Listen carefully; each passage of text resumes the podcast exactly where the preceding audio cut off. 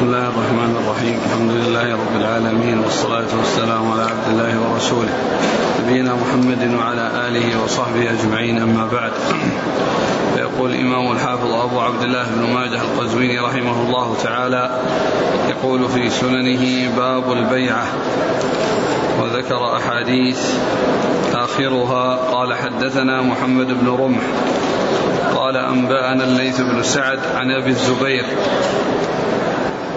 عن جابر رضي الله عنه أنه قال جاء عبد فبايع النبي صلى الله عليه وسلم على الهجرة ولم يشعر النبي صلى الله عليه وسلم أنه عبد فجاء سيده يريده فقال النبي صلى الله عليه وسلم بعنيه فاشتراه بعبدين أسودين ثم لم يبايع أحدا بعد ذلك حتى يسأله أعبد هو؟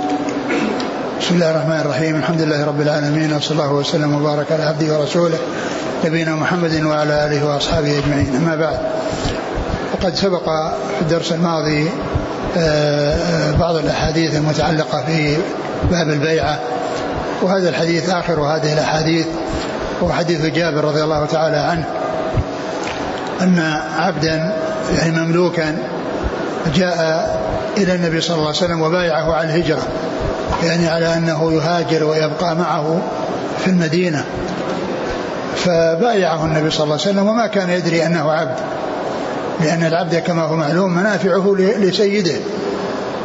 لا يتصرف العبد بنفسه آه، بمثل هذا بمثل هذا التصرف.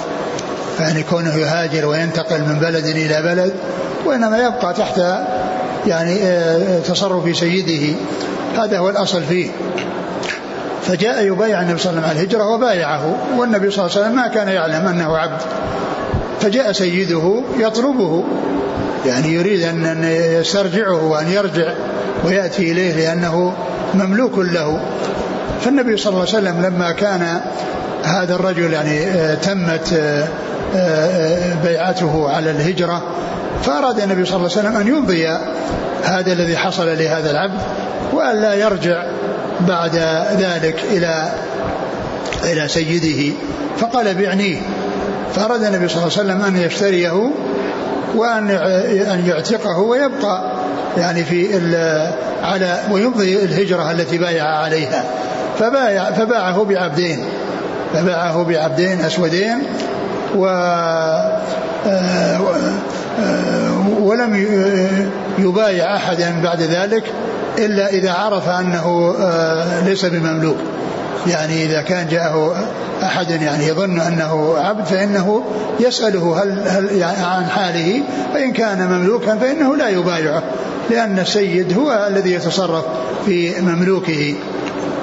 وهذا الحديث يدل على على فضل الهجرة وعلى المبايعة عليها وأن الصحابة رضي الله عنهم كانوا يأتون إلى النبي صلى الله عليه وسلم ويبقون معه ويجاهدون معه عليه الصلاة والسلام.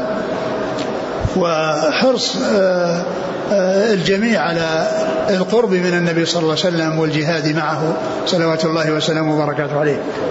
وفيه يعني بيع العبد بالعبدين وأن التفاضل في ذلك لا بأس به كما أنه بين الحيوانات لا بأس به بأن يبيع البعير ببعيرين.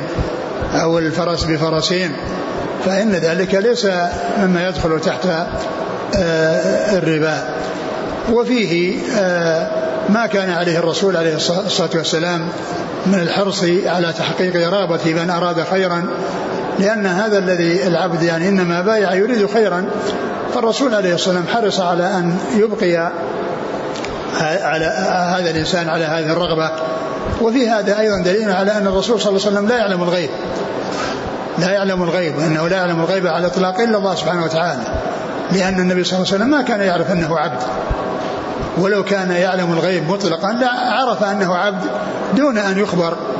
فهذا من الأدلة الكثيرة الدالة على أن الغيب لا يعلمه على الإطلاق إلا الله سبحانه وتعالى.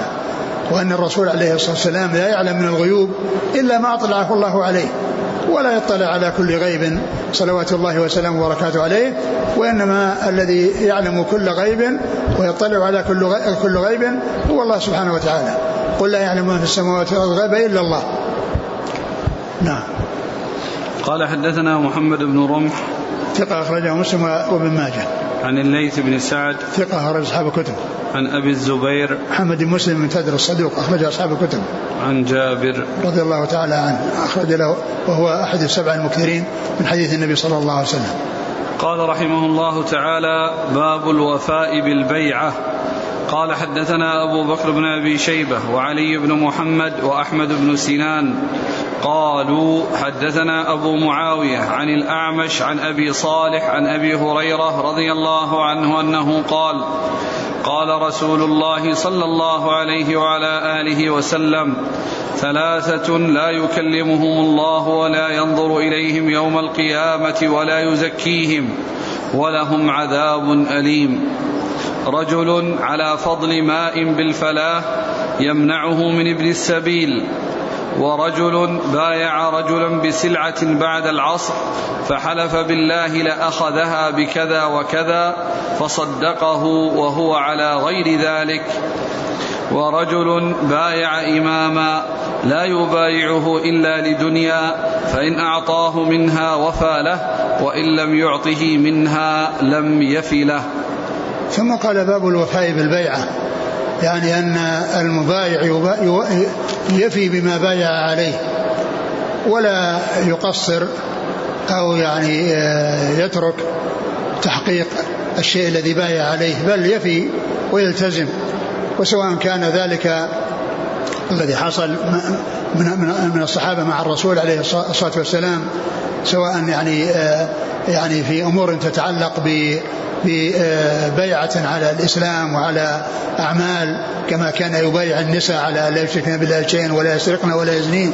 يعني أن من بايع على شيء يفي به ويلتزم به. وقد سبق أن مر أن أن أن أن, أن, الرسول عليه الصلاة والسلام مما يعني بايع عليه آه، أن أن أن, أن الإنسان لا يسأل شيئا. يعني مما حصل منه أو فيه أن الإنسان لا يسأل شيئا. وكان أصحاب الرسول عليه الصلاة والسلام يلتزمون بهذا. وقد جاء في الحديث كما مر أن الواحد يسقط صوته فلا يطلب من غيره أن يناوله إياه ممن يكون يمشي على الأرض. وإنما ينزل من فرسه ويأخذه تحقيقا وتنفيذا.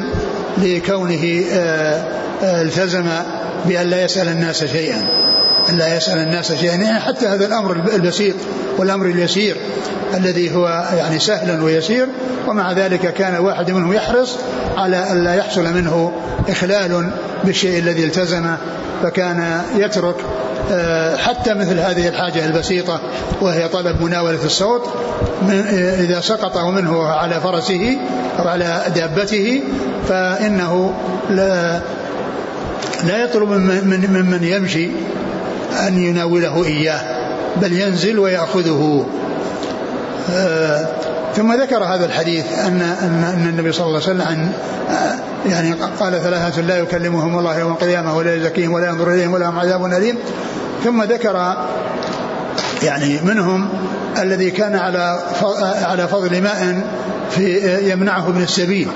يعني أنه كان آه، عنده ماء وعنده زائد عن حاجته أو أنه يعني شيء آه، في فلاة يعني آه، جلس عليه فكان يمنع الناس عنه فإن هذا ارتكب أمرا عظيما وأمرا خطيرا وهي الحلولة الحيلولة بين الناس وبين ابن السبيل الذي هو عابر سبيل ويحتاج إلى الماء بأن يسقي إبله أو يتزود هو من الماء فمن منعه فإنه آه، ممن آه، من الثلاثة الذين هذا وصفهم في آه، هذا الحديث. والثاني الذي بايع رجلا بعد العصر على سلعة باع يعني بايعه وحلف بالله أنه أخذها بكذا وكذا أو أن قيمتها كذا وكذا وهو غير صادق فصدقه وأخذها بناء على حلفه وبناء على ما أخبر به مع الحلف بالله عز وجل. يعني وكان كاذبا. وهذا يدل على أن الإنسان إذا كان صادقا وحلف فإنه ليس, ليس فيه محذور ولكن الأولى تجنب الحلف وأن الإنسان لا يستعمل الحلف يعني في في السلع وأن يكثر من الحلف وإنما يعرض سلعته ويبين ما فيها ولا ولا يحلف. وقوله بعد العصر يعني هذا سواء يعني لا يختص بعد بعد العصر وإنما يكون في جميع الأحوال يعني لو بايعه في الضحى وحلف أنه أخذها بكذا أو بايعه بعد يعني بعد بعد العشاء أو بعد المغرب. كل ذلك داخل تحت هذا المحذور. ولا يختص الأمر ببعد العصر. وانما وقال بعض أهل العلم إنه إنما ذكر العصر أو بعد العصر لأنه الوقت الذي كانت تحضر فيه الملائكة لصلاة العصر وكذلك مثلها الفجر وأنهم يتناوبون وأنهم يرفعون يذهبون يذهبون بالأعمال. ويرفعون الأعمال يعني معهم فيكون في ذلك يعني زيادة آه، خطر وزيادة آه، ضرر. ثم ذكر الثالث وهو محل الشاهد رجل بايع رجلا أو بايع اماما إنما يبايعه من أجل الدنيا. لا يبايعه من أجل آه، القيام بما أوجب الله عليه للبيعة. وبيعه الإمام والسمع والطاعة في العسر واليسر والمنشط والمكره وإنما يكون من أجل الدنيا فإن أعطي منها رضي وإن لم يعطى يسخط. يعني لأنه ما يريد إلا الدنيا وكل هؤلاء الثلاثة متوعدون بهذا الوعيد الشديد الذي جاء في أول هذا الحديث بذكر الثلاثة. لا يكلمهم الله يوم القيامة ولا, ينظر إليهم ولا يزكيهم ولا هم عذاب أليم المراد لا يكلمهم؟ يعني المقصود أنه لا يكلمهم الكلام الذي فيه مسرة لهم وفيه يعني آه يعني آه آه منفعة لهم. وأما آه، الكلام الذي فيه توبيخ وتقريع فقد جاء في القرآن. اخسأوا فيها ولا تكلمون.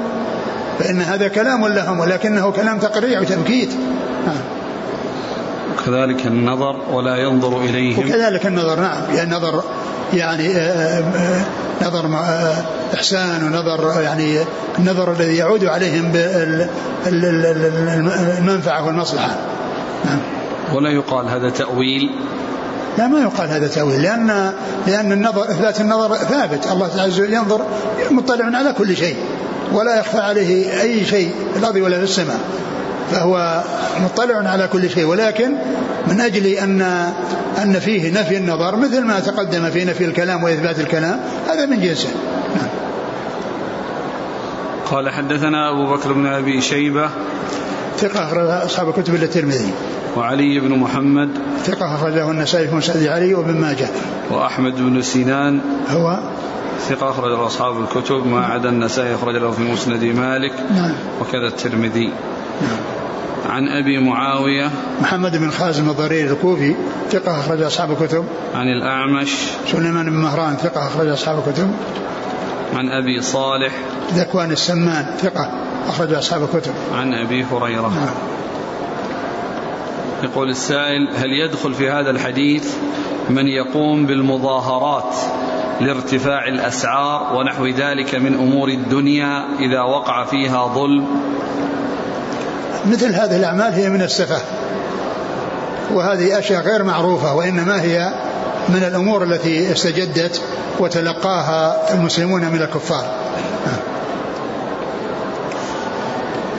يقول إذا لم يكن الإنسان بايع الإمام بنفسه فهل يكون واجبا عليه الوفاء بالبيعة؟ وما الدليل؟ معلوم أن ليس كل إنسان عليه أن يأتي للإمام. ويضع يده في يده ويبايعه. بل إذا بايع أهل الحل والعقد الباقون يدخلون تبعا ويعتبرون مبايعين لأنهم تبعا لهم. وإلا فإنه ليس بلازم أن كل واحد يأتي يضع بيده يد الإمام وإنما إذا بايع أهل الحل والعقد فإن الكل يعتبر مبايع. الكل يعتبر مبايع وكل يعني عليه السمع والطاعة. ومعلوم أن أبا بكر رضي الله عنه وأرضاه يعني بايعه الصحابة في سقيفة بني ساعدة ثم في المسجد وليس كل الصحابة جاءوا إلى المسجد وكلهم كانوا في سقيفة بني ساعدة وإنما آه، الباقون آه، آه، يمضي أمرهم تبعا لغيرهم. نعم. قال حدثنا أبو بكر بن أبي شيبة قال حدثنا عبد الله بن إدريس عن حسن بن فرات عن أبيه عن أبي حازم عن أبي هريرة رضي الله عنه أنه قال قال رسول الله صلى الله عليه وسلم إن بني إسرائيل كانت كانت تسوسهم أنبياؤهم. كلما ذهب نبي خلفه نبي وإنه ليس كائن بعدي نبي فيكم. قالوا فما يكون؟ فما يكون يا رسول الله؟ قال تكون خلفاء فيكثرون. قالوا فكيف نصنع؟ قال أوفوا ببيعة الأول فالأول. ادوا الذي عليكم؟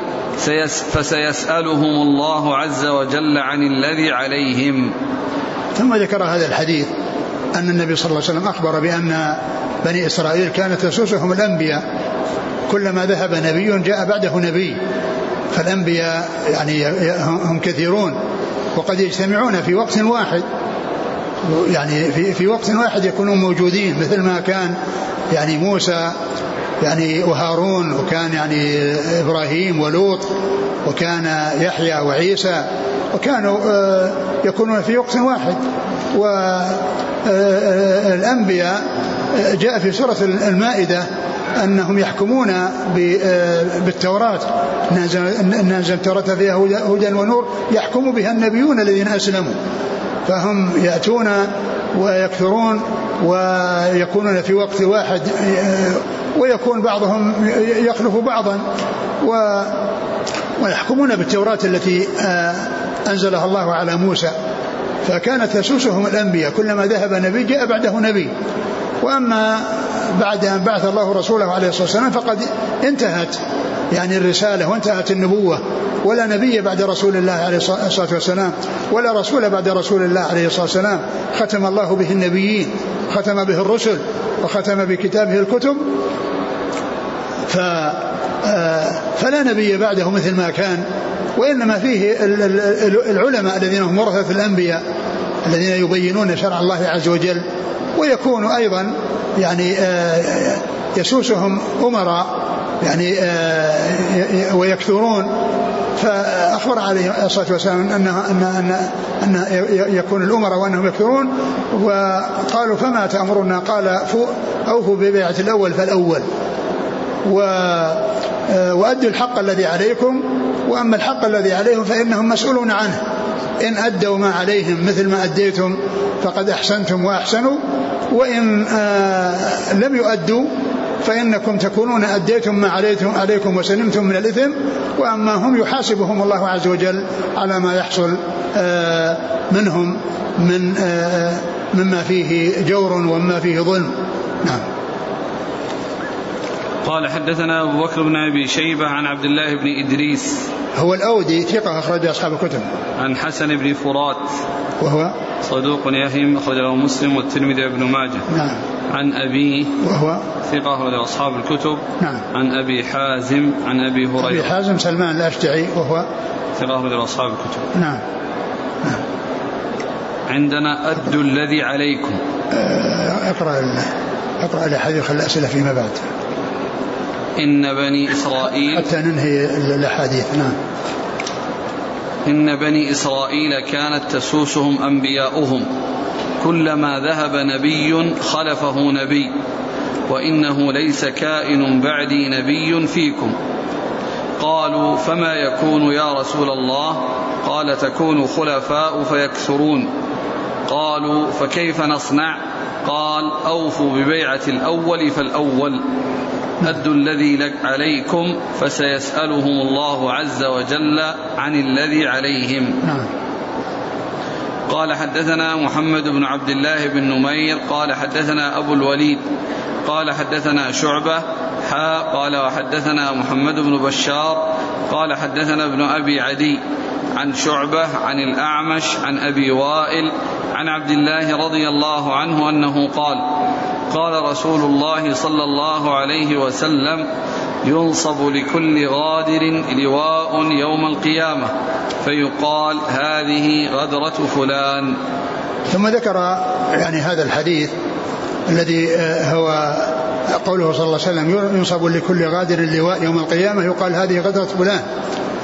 يعني أن من غدر وفي عهده أو في بيعته فإنه آه، ينصب له يوم القيامة لواء. ومعلوم أن اللواء في الدنيا علامة على المسؤول في الجيش الذي هو أمير الجيش وكبير الجيش. حتى الناس يعرفون المكان الذي فيه رئيسهم ومرجعهم فيلتفون حوله ويعني يقربون منه ويتجهون إليه. وفي وهذا فيه كون اللواء الذي يكون يعني فوقه يعني في بيان دلالة عليه لأن منزلته محترمة ومكانته علية لأنه علامة على على من هو محمود. أما في الآخرة فينصب له لواء يعني يكون علامة على أنه حصل له الخزي علامة على خزيه يوم القيامة. وأن يعني أن غدره يعني هذا يعني فضيحة له بوضع ذلك اللواء الذي يكون عنده يدل على أن تحته رجل آه، قد حصل منه الغدر وأنه يكون بذلك أخزي وحصل له الخزي.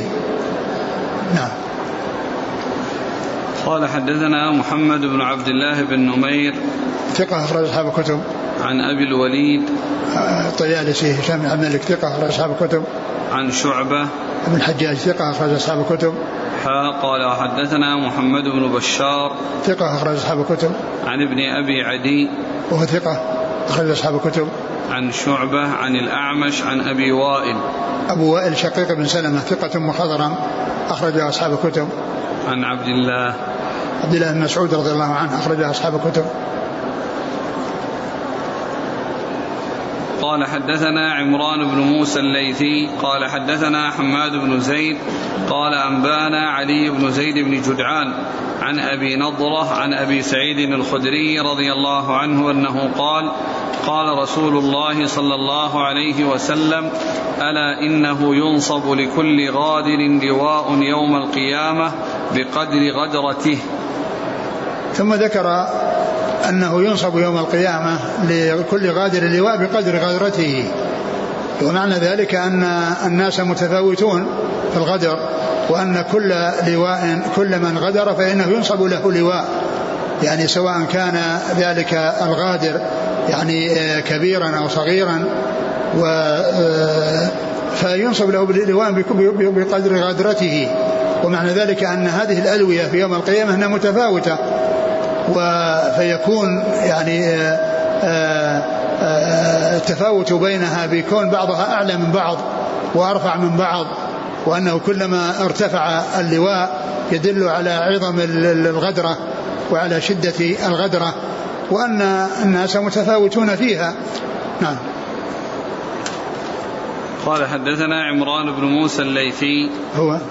صدوق رواه الترمذي والنسائي بن ماجه. نعم. عن حماد بن زيد. ثقة أخرج أصحاب الكتب. عن علي بن زيد بن جدعان. وهو ضعيف رجل البخاري المفرد ومسلم وأصحاب لكنه توبع. يعني يعني له من تابعه. فيكون الحديث يعني صحيحا ب يعني من بوجود غيره. يعني في الرواة يعني متابع متابعين له. نعم. عن عن أبي نضرة. نعم. المنذر بن مالك بن قطعة وثقه أخرجه البخاري تعليقا ومسلم وأصحاب السنن.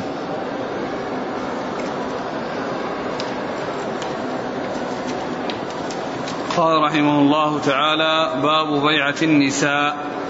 قال حدثنا أبو بكر بن أبي شيبة. قال حدثنا سفيان بن عيينة أنه سمع محمد بن المنكدر. قال سمعت أميمة بنت, بنت رقيقة تقول جئت النبي صلى الله عليه وسلم في نسوة نبايعه فقال لنا فيما استطعتن واطقتن إني لا أصافح النساء. ثم ذكر بيعة النساء. والمقصود بالبيعة بيعة النساء ليست البيعة على الولاية والبيعة على الحكم لأن النساء لا تبايع ولسنا من أهل آه، آه، الولاية. لا لا لا يكن من أهلها بحيث تحصل توليتهن ولا أيضا يولين غيرهن. لا يتولين ولا يولين. وإنما المقصود من ذلك البيعة التي هي المبايعة على على الإسلام وعلى أحكام الإسلام وعلى أمور معينة. كما جاء في, القرآن. يا أيها النبي إذا جاءك الناس يبايعنك على لا يشركن بالله شيئا. الآية. فإنها أمور. وكان الصحابة رضي الله عنهم أيضا يبايعون على أمور. ولكن البيعة التي هي الولاية هذه ليست من خصائص النساء وليست للنساء وإنما هي للرجال. ولهذا أبو بكر رضي الله عنه وأرضاه لما بويع ما ذكر أن في سقيفة بني سعيدة امرأة واحدة بايعت أبا بكر على الخلافة وإنما الذي يبايع الرجال والنساء تبع للرجال. آه، آه، الحديث المتن في قالت أميمة بنت رقيقة جئنا النبي صلى الله عليه وسلم في نسوة نبايعه. فقال لنا فيما استطعتن وأطقتن إني لا أصافح النساء. يعني أن البيعة على الشيء الذي آه، يعني بايعنا عليه من الأمور التي آه، آه، بايعنا عليها فإنه يعني يكون في في في على قدر طاقتهن وقدرتهن. لأنه لا يكلف الله نفسا إلا وسعها وهذا إنما هو في الأمور المأمورات. أما بالنسبة للمنهيات لا يقال فيها أطقتن لأن النهي مستطاع وكل يستطيع النهي وإنما الذي لا يستطيع الذي قد يستطاع وقد لا يستطيع هو الأمر. كما قال عليه الصلاة والسلام آآ آآ إذا أمرتكم بأمر فأتوا منه ما استطعتم وإذا نهيتكم عن شيء فاجتنبوه. ما قال فاجتنبوه إذا استطعتم لأن الترك مستطاع وإنما الذي يستطاع ولا يستطاع هو الأمر. صل قائما فإن لم يستطع قائدا فإن لم يستطع فعلى جنب. يعني الإنسان مأمورا بأن يصلي قائما فقد يطيق وقد لا يطيق. أما إذا قيل لا تزني لا تسرق فهذا مطاع. إذا قيل مثلا احمل هذه الصخرة قد يحمل قد يستطيع وقد لا يستطيع. وإذا قيل لا تدخل مع هذا الباب يستطيع أن ما يدخل مع الباب. يستطيع أنه لا يدخل مع الباب لأن الترك مستطاع. فإذا ما جاء من التقييد يعني في في الأعمال أن على قدر الطاقة إنما يكون في المأمورات وأما المنهيات فلا يحصل التقييد بها لأن الترك مستطاع. ثم قال قال بعد ذلك إني لا أصافح النساء. نعم. وقال إني لا أصافح النساء. يعني كان الصحابة رضي الله عنهم وأرضاهم اللي هم الرجال يعني يضعون أيديهم بأيدي الرسول صلى الله عليه وسلم. ولهذا مر بنا الحديث الذي مر قريبا أن الرسول قال ألا تبايعوني فبسطنا أيدينا؟ وقلنا قد بايعناك فعلى أي شيء نبايعك؟ أما بالنسبة للنساء فإنما يبايعهن بالكلام. تأتي الوحدة وتقول الواحدة وتقول أبايعك على ألا أشرك بالله شيئا ولا أزني ولا أزني ولا إلى آخره فيقول الرسول صلى الله عليه وسلم قد بايعناك كلاما لا مصافحة فكان لا يصافح النساء عليه الصلاة والسلام وإنما كان يبايعهن بالكلام فتقول المرأة أبايعك على كذا ويقول الرسول صلى الله عليه وسلم قد بايعناك كلاما لا مصافحة وهذا يعني يدل دلالة واضحة على أن مس النساء ومصافحة النساء أن ذلك حرام وأنه لا يسوق. نعم. قال حدثنا أبو بكر بن أبي شيبة عن سفيان بن عيينة. سفيان بن عيينة ثقة أخرج أصحاب الكتب. عن محمد بن المنكدر. وهو ثقة أخرج أصحاب الكتب. عن أميمة بنت رقيقة. أخرج لها أصحاب السنن.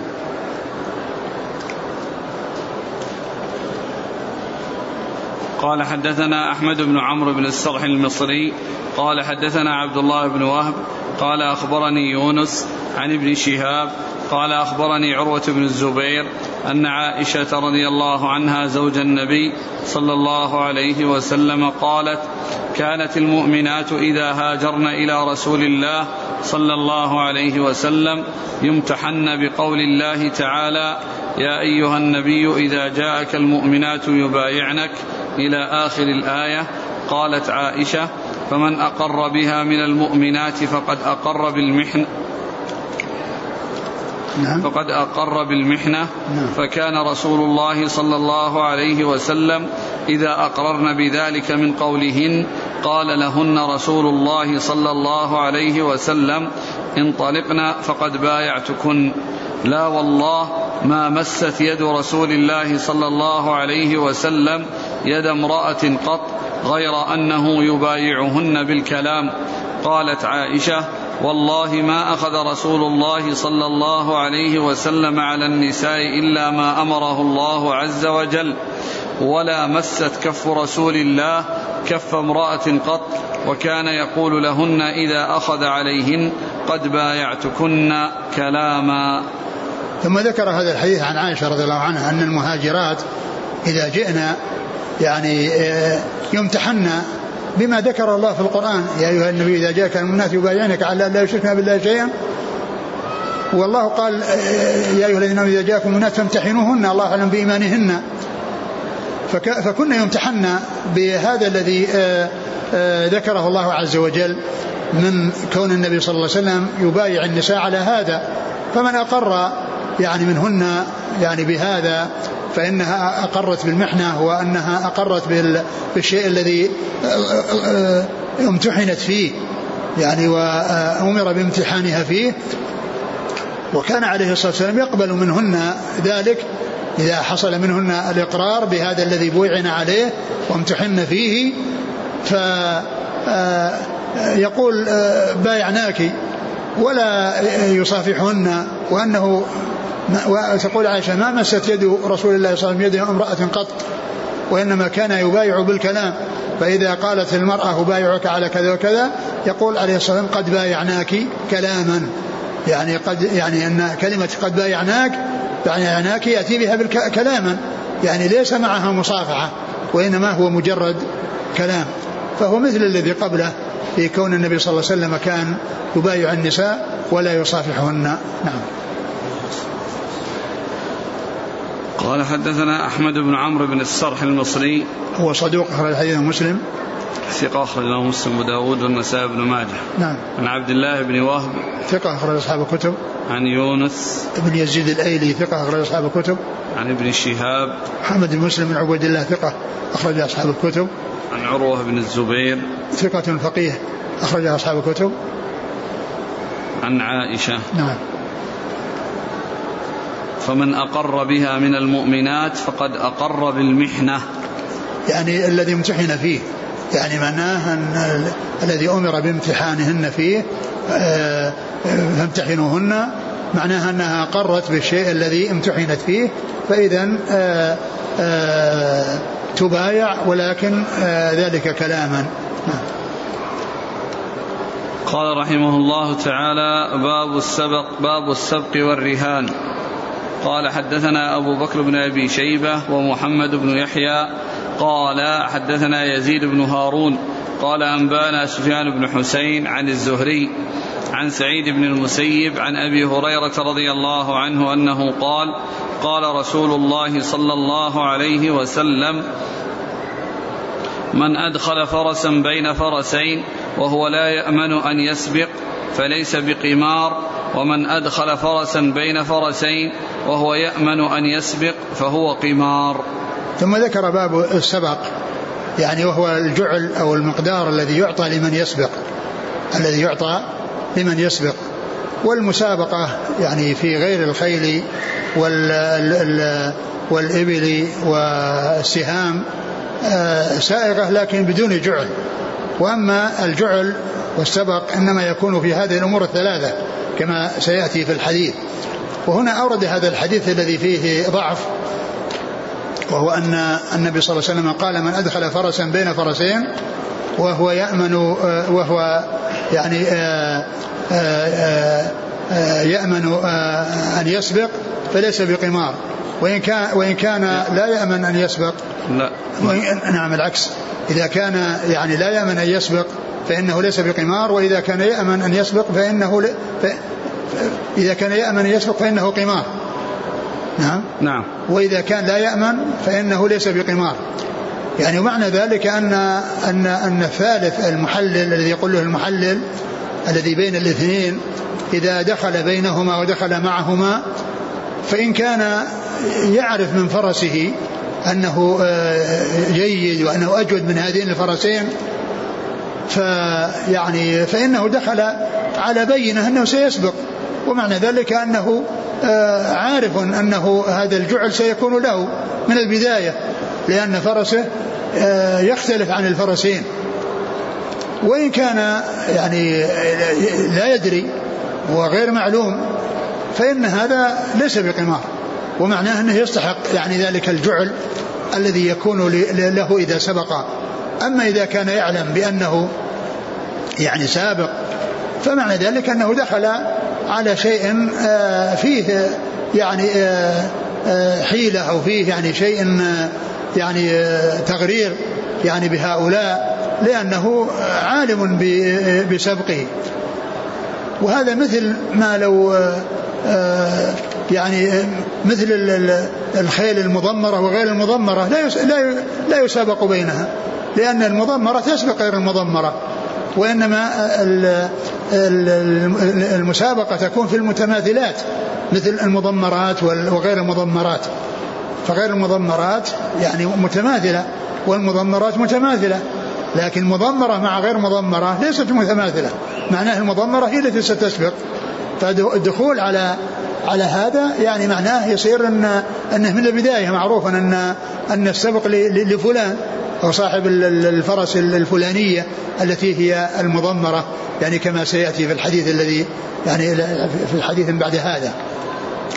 فهذا الحديث الذي فيه ضعف آه هذا معناه يعني معناه أن المحلل أو الثالث الذي يدخل بين الاثنين المتسابقين المتنافسين أنه إذا كان يعلم أنه يسبق فإن هذا يكون قمار ولا يحل له ذلك لأنه دخل على أخذ شيء لا يستحقه ويعلم أنه لا يستحقه من البداية لأنه سابق سابق. أما إذا كان بخلاف ذلك ولا يعلم فإن له أخذ السبق.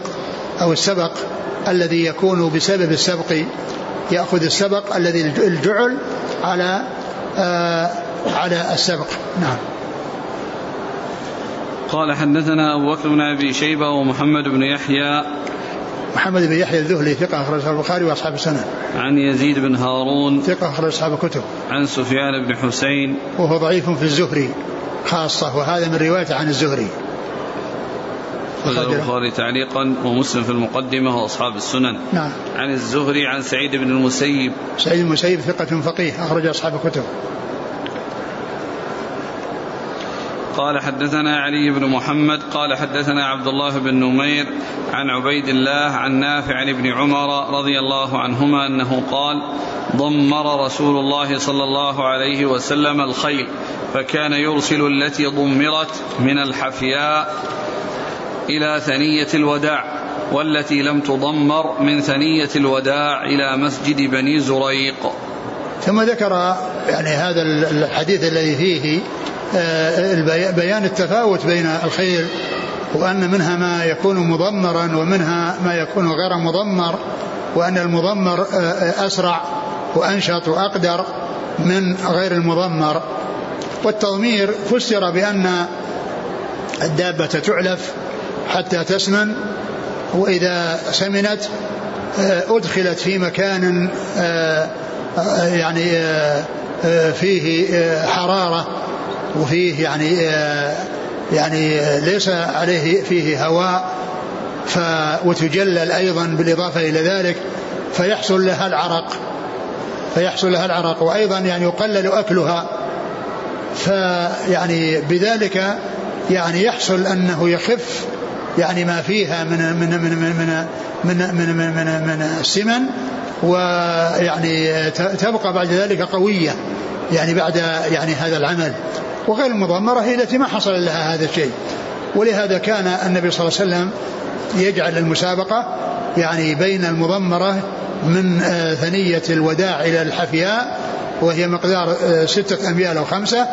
ويجعل غير المضمرة من آه، ثنية الوداع إلى مسجد بني زريق وهو يعني في مقدار يعني ميل يعني بينهما فرق لأن هذه عندها سرعة وعندها قدرة فيكون المسابقة في أمد بعيد وتلك دونها فيكون المسافة دون ذلك وبأقل من ذلك. ولهذا كما قلت لا يسابق بين مضمرة وغير مضمرة لأن المضمرة تسبق. لأن المضمرة تسبق والدخول على المسابقة على اعتبار أن أنه ليس هناك تفاوت وأن السبق إنما هو لتلك المضمرة. وإنما التسابق بين الأشياء المتماثلة التي بعضها متقارب مثل غير المضمرة والمضمرة.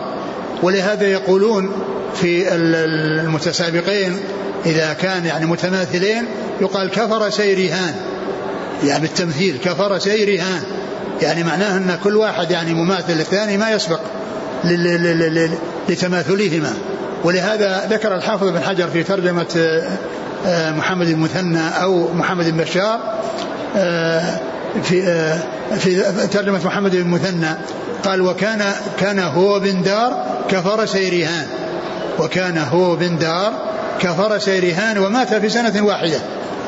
لأنهم متماثلون في البلد كلهم من البصرة ومتماثلون في الشيوخ ومتماثلون في التلاميذ وماتوا في سنة واحدة. فصار كفر سيرهان يعني معناه ما أحد يعني تقدم الثاني. و وقد مات في سنة 52 و200 يعني قبل وفاة البخاري بأربع سنوات. فهما من صغار شيوخه ومثلهم شيخ ثالث للبخاري أو لأصحاب الكتب الستة. الثلاثة كلهم شيوخ لأصحاب الكتب الستة.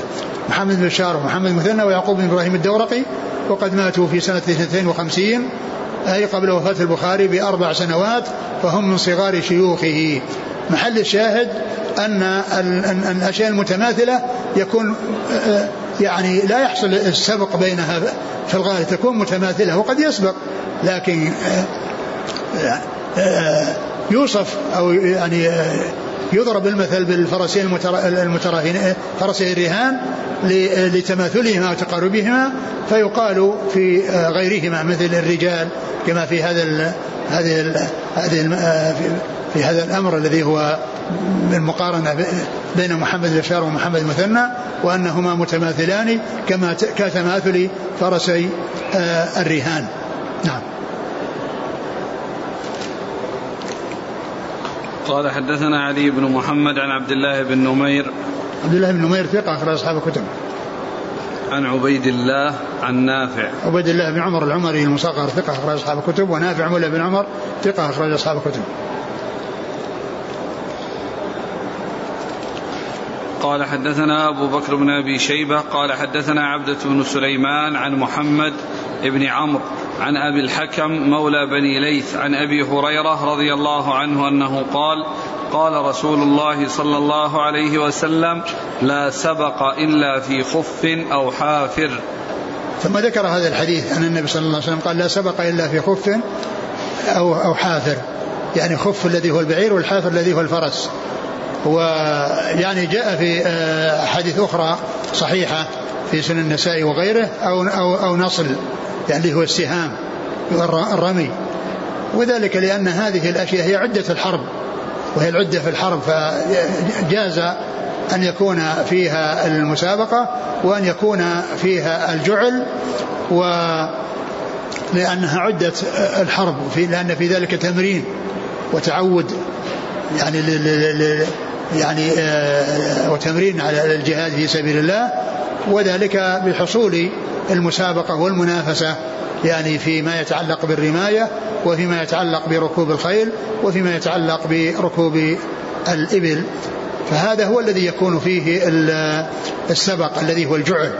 أما يعني المسابقة على الأقدام أو غير ذلك فإنها جائزة ولكن بدون جعل. نعم. سواء كان الجعل منهما أو من الخارج؟ سواء كان من أحدهما أو من أو من من من من من, من, من غيرهما من هو خارج عن المسابقة. نعم. قال حدثنا أبو بكر بن أبي شيبة عن عبده بن سليمان. عبده بن سليمان ثقة أخرجه؟ أصحاب الكتب. نعم. عن محمد بن عمرو. صدوق أخرجه أصحاب الكتب.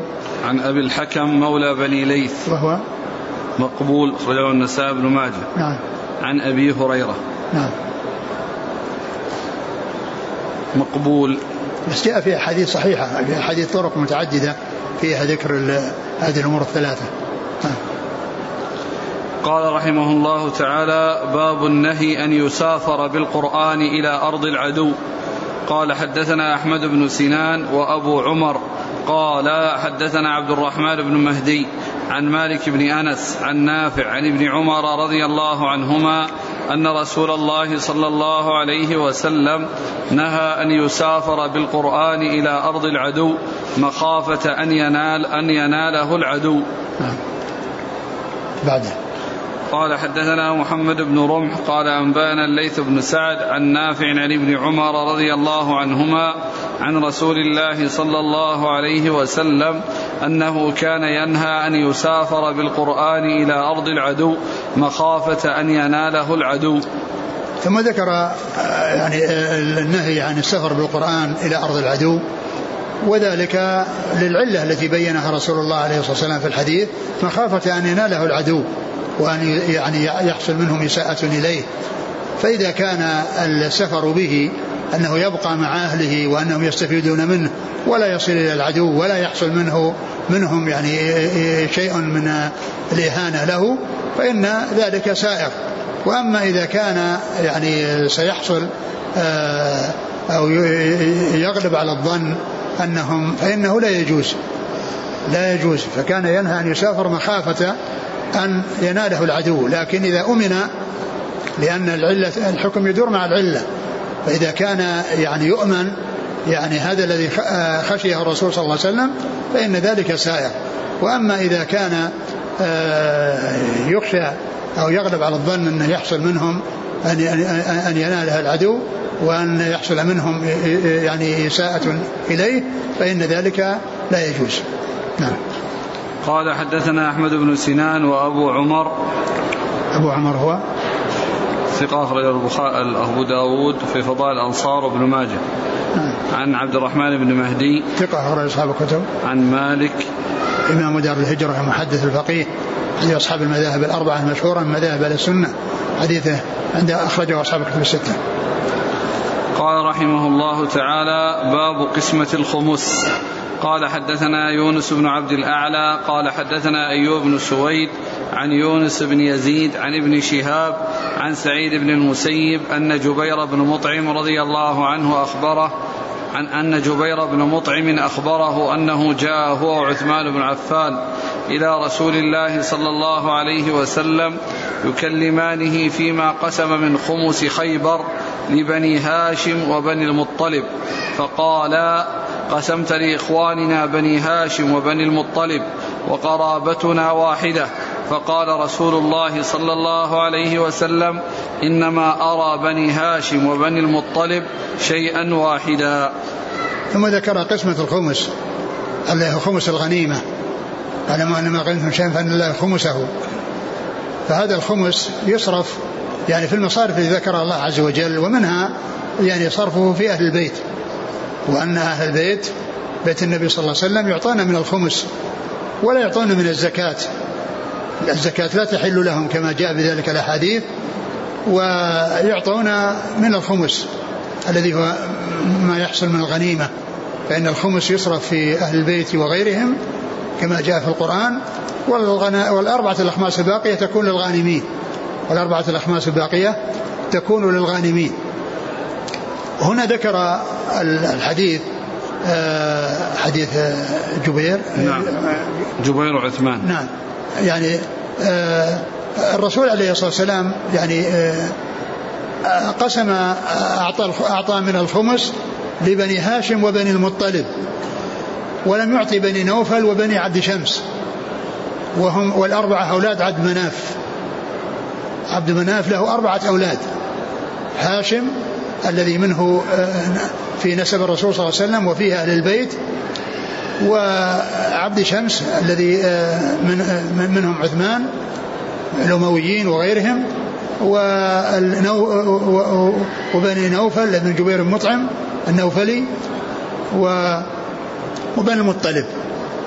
هؤلاء أولاد عبد مناف. وبنو هاشم هم أهل البيت ونسل هاشم منحصر في عبد المطلب. عبد المطلب بن هاشم لأنه ليس له نسل يعني من غير عبد المطلب من غير ابنه عبد المطلب. فإذا آه، بنو آه، هاشم منحصرون في نسل عبد المطلب منحصرون في نسل عبد المطلب. فكان النبي صلى الله عليه وسلم يعطي آه، يعطي بني هاشم ويعطي يعطي بني المطلب. ومعلوم أن بني هاشم أهل بيت الرسول صلى الله عليه وسلم ولا إشكال فيه عند عند عند عند غيرهم.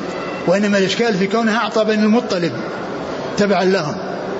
مع أنهم يعني مع أن بني نوفل وبني عبد شمس مثلهم. أما بنو هاشم فمنهم الرسول صلى الله عليه وسلم. ونسبه في هاشم. وهؤلاء أعطى بني المطلب تبع لبني هاشم ولم يعطي بني عبد شمس وبني نوفل. فقالوا إنك أعطيت يعني كذا ونحن وإياهم في القرابة سواء منك. هم كلامهم كلهم من أجل بني المطلب ما هو من أجل بني هاشم. بني هاشم هم أهل بيته. ولا إشكال في ذلك وإنما الإشكال عندهم في بني المطلب أخو هاشم. فالرسول عليه السلام لما قالوا له أعطيت يعني بني المطلب ولم تعطنا ونحن وإياك في القرابة سواء لأنهم كلهم يلتقون بعبد مناف. يعني هؤلاء الطوائف الثلاث يلتقون بعبد مناف فهم بالنسبة للقرب سواء. فالنبي صلى الله عليه وسلم قال إنما نرى أن بني هاشم والمطلب شيئا واحدا لأنهم كانوا معهم يعني في محنتهم وكانوا معهم في يعني في تحمل الأذى الذي حصل يعني لبني هاشم. فكانوا آه، فمن أجل ذلك ألحقهم بعض العلماء بهم من من حيث إعطائهم من الخمس وعدم إعطائهم الزكاة. أنهم يعطون من الخمس ولا يعطون من الزكاة. فدل هذا على بيان شيء من مصارف الخمس وهو أن بني هاشم يعطون إياه وهذا بلا خلاف وإنما الخلاف في بني بني المطلب. فمن العلماء من قال إنهم يلحقون بهم ومنهم من قال إنهم لا يلحقون بهم. نعم. قال حدثنا يونس بن عبد الأعلى. هو؟ ثقة أخرجه مسلم والنسائي بن ماجه. نعم. عن أيوب بن سويد. وهو؟ صدوق يخطئ. رجل أبو داود والترمذي وابن ماجه. نعم. عن يونس بن يزيد. الأيلي ثقة أخرج أصحاب الكتب. عن ابن شهاب عن سعيد بن المسيب عن جبير بن مطعم وعثمان بن عفان. جبير بن مطعم النوفلي رضي الله عنه أخرجه أصحاب الكتب. وعثمان بن عفان رضي الله عنه أمير المؤمنين وثالث الخلفاء الراشدين الهاديين المهديين صاحب المناقب الجمة والفضائل الكثيرة وحديثه عند أصحاب الكتب الستة. وبهذا ننتهي من كتاب الجهاد و آه، يكون الدرس القادم إن شاء الله في كتاب الذبائح ويكون كتاب الحج والأضاحي يكون قبل الحج إن شاء الله. والله تعالى أعلم وصلى الله وسلم وبارك على عبده ورسوله نبينا محمد وعلى آله وأصحابه أجمعين. جزاكم الله خيرا وبارك الله فيكم ألهمكم الله الصواب ووفقكم للحق ونفعنا الله ما سمعنا وغفر الله لنا ولكم وللمسلمين أجمعين آمين. بالنسبة الآن السفر بالقرآن إلى أرض العدو. الآن كما تعلمون القرآن يباع ويشتريه من يشاء مسلم أو كافر.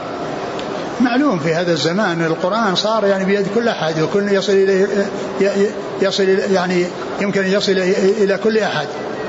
ولكن المقصود بالشيء الذي يعني يقدر عليه الناس فيما إذا يعني سيحصل آه، امتهان بواسطته أو بسببه.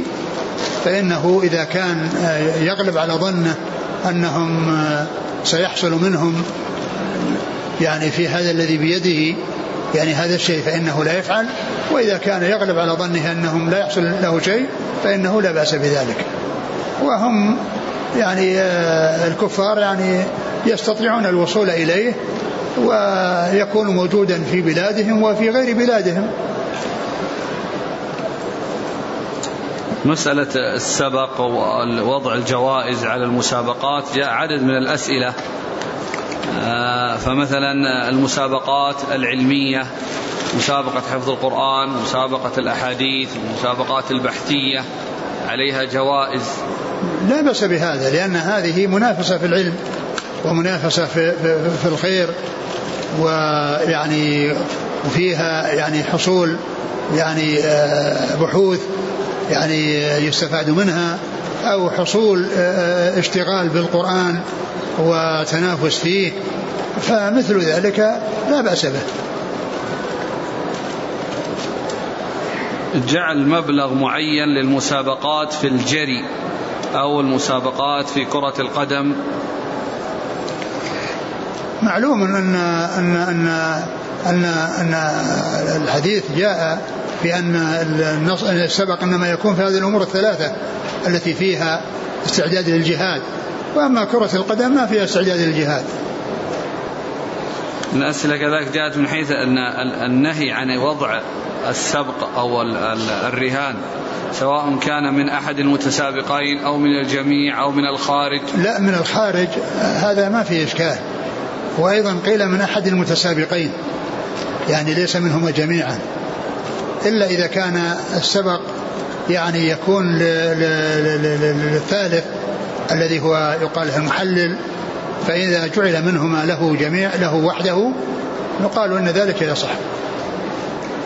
ولا أعرف إيش المستند في هذا. يقول إذا جمع الفارسان أو إذا جمع الفرسان إذا جمع الفرسان مبلغا من المال فيما بينهم والذي يسبق يعطى له المال كله. لا أدري لا أدري يعني قضية كونه يصير من الجميع يعني ويكون لهم لا أدري. يقول ما هو حد الاستطاعة وما الذي يحدده؟ الاستطاعة كما هو معلوم كل يعرف من نفسه أنه قادر على الشيء الذي كلف به أو غير قادر. يعني فإنسان مأمور بالصلاة بأن يصلي قائما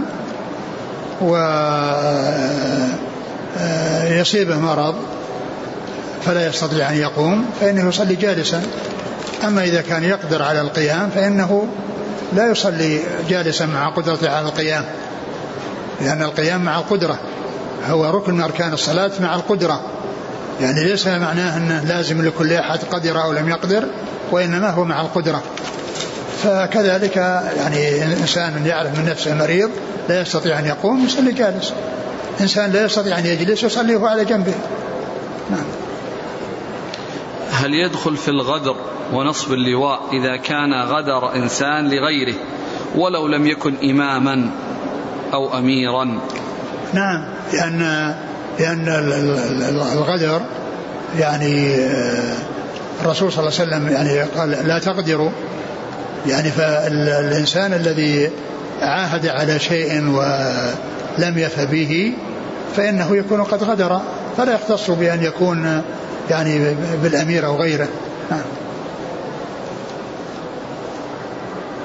هل يفهم من الأحاديث أن من خالف البيعة يكون أشد ممن خالف بدون بيعة؟ أصلا كل بيعة هي حاصلة لكل أحد. ما يقال أن أحد مبايع وأحد ما بايع. لأن إذا بايع الحل والعقد الباقون تبع. الكل يعني يعتبر بايع. كما كان أصحاب رسول الله صلى الله عليه وسلم يفعلون ذلك. لأن بيعة أبو بكر كما عرفنا إنما بايعها كبار الصحابة. والباقون تبعا. وكما قلت لا يلزم أن كل واحد يأتي ويبايع. فإذا تمت بيعته الإمام من أهل الحل والعقد فالباقون تبعا له لا يقال هذا بايع وهذا ما بايع. الكل مبايعون. نعم. صلى الله إليك في شبهة وهي أن البيعة يعني تلزم مثل أهل البلد. أما المقيمون الذين نزلوا في هذا البلد لم يبايعوا فبالتالي لا يلزمهم. لا كيف لا؟ يعني يلزمهم السمع والطاعة. يعني فيما يؤمرون به في المعروف في هذا البلد. يعني فكما أنهم في بلادهم يسمعون ويطيعون في المعروف ففي غير بلادهم يسمعون ويطيعون بالمعروف. لأن السمع والطاعة لمن له ولاية سواء في بلدك أو غير بلدك هذا مطلوب منك إذا كان ذلك بالمعروف. لا فرق بين بلدك وغير بلدك. الحديث حديث أبي هريرة إن بني إسرائيل كانت تسوسهم أنبياؤهم. أوفوا ببيعة الأول فالأول أدوا الذي عليكم. يعني من الحق. أدوا الذي عليكم يعني من الحقوق لهم. وكونه لم يحصل أن أدوا الحق الذي لهم لكم عليهم يعني آه، أنتم أديتم ما عليكم وسلمتم من الإثم وهم خالفوا ولم يؤدوا ما عليهم فتعرضوا للعقوبة والمحاسبة. والله تعالى يحاسبهم يوم القيامة. هذه فائدة وقع عند البخاري أعطوهم حقهم فإن الله سائلهم عما استرعاهم. قال الحافظ في الفتح أي أطيعوهم وعاشروهم بالسمع والطاعة فإن الله يحاسبهم على ما يفعلونه بكم.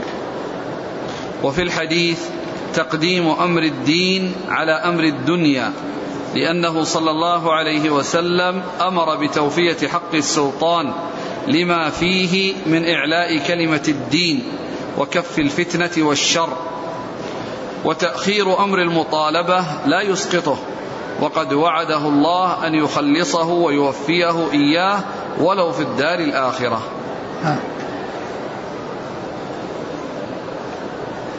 هل الانتخابات التي يفعلها الناس اليوم تكون بمثابة البيعة إذا رشح أحد وفاز في الانتخابات؟ كما هو معلوم هذه غير طريقة شرعية. لكن إذا تسلط أحد بهذه الطريقة فيجب السمع له والطاعة. يقول كما تعلمون ابتلي العالم الإسلامي بالجماعات والأحزاب ومن هذه الجماعات من يطلب البيعة ويقول نحن في دولة رئيسها كافر فلا بد من بيعة لأن النبي صلى الله عليه وسلم قال من مات ولم يبايع مات ميتة جاهلية. هذا غير صحيح لأن الذي بيده حل الحل والعقد هو الذي يعني صاحب السلطة سواء يعني بويع بحق أو باطل. أما أناس من الرعية وداخلون ضمن آه، آه، آه، يعني الناس تحت هذه الولاية ما لا يمكن أن يحصل بهم تحقيق المقصود الشرعي لأنهم لا يقيمون الأحكام ولا ولا ليس بيدهم قدرة وبإمكانهم أن يتصرفوا التصرف الذي يتصرف به ولاة الأمور. مسألة مصافحة النبي صلى الله عليه وسلم النساء كيف الجواب عن حديث أن النبي صلى الله عليه وسلم كانت تأخذ بيده الجارية وتنفرد به؟ هذا كما هو معلوم آه هذا من المتشابه وذاك المحكم. يعني آه كون لا يصافح النساء هذا محكم. وأما هذا متشابه فالأخذ بهذا وترك ذاك هو من المتشابه. أخذ بالمتشابه وترك المحكم. من اتباع المتشابه وترك المحكم. وهذا الذي آه، فيه أنه تأخذ بيده ليس بلازم أنها تمسك يعني جسده بل يمكن أن تمسك ثوبه. أما لا أصافح النساء هذا نص صريح ما فيه إشكال. وذاك فيه احتمال. فلا يترك يعني شيء محت... يعتمد أو يعول على شيء محتمل ويترك يعني شيء واضح صريح. لا يترك المحكم ويتبع المتشابه. يقول استدل بعض الكتاب بأن النبي صلى الله عليه وسلم قال في حديث آخر أنا لا آكل متكئا. فهو مثل إني لا أصافح النساء. في الكراهة.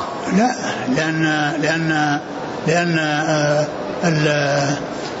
الرسول صلى الله عليه وسلم يعني ما كان يأكل متكئا وأيضا غيره لا يأكل متكئا لأن الاتكاء الذي هو كون الإنسان يتمايل ليس الإنسان يأكل وهو متمايل لأن هذا يدل على الاستكبار يدل على التكبر وأيضا عدم توازن الجسم يعني في دخول الطعام فيه يعني حيث يكون مائلا على على جنبه أو مضطجعا ومتكئا على يديه. وقد جاء في حديث أبي بكرة الذي فيه بيان أن, أن الاتكاء يكون يعني غير الجلوس حيث قال آه، وكان متكئا فجلس. وكان متكئا فجلس. فقال ألا وقول الزور ألا وشهادة الزور. فيعني قوله لا أصافح النساء. وكونها قول ما مست يد رأس امرأة قط مع أن هذه بيعة لو كان ذلك سائغا إيش الذي يمنع من هذا؟ ولكنه لم يفعل ذلك لأنه لا يصوم ولأن الرجل لا يمس المرأة الأجنبية. ما في مس المرأة الأجنبية لا إلا للضرورة. أما في غير ضرورة فلا يجوز له ذلك. هل يعتبر من الكفر البواح إذا كان الحاكم يقول نحن دولة علمانية لا إسلامية؟ نعم إذا قال نحن آه، يعني ليس ليس دولتنا دولة إسلامية ولسنا يعني على الإسلام هذا هو هذا نفس الكفر. إذا قلنا قال نحن لسنا إسلاميين لسنا يعني نحكم بالإسلام أو لا نحكم بالإسلام هذا كفر والعياذ بالله. وبالتالي يرتب عليه سؤال آخر فيقول فهل حينئذ يجوز للمسلم اغتيال هذا الحاكم لظهور الكفر منه؟ الاغتيالات يعني كما هو معلوم يعني لا تؤدي إلا إلى شر. ثم أيضا ال ال ال ال ال الإنسان الكافر الذي كفره واضح جلي يعني يعني لا يخرج عليه إلا إذا قدر.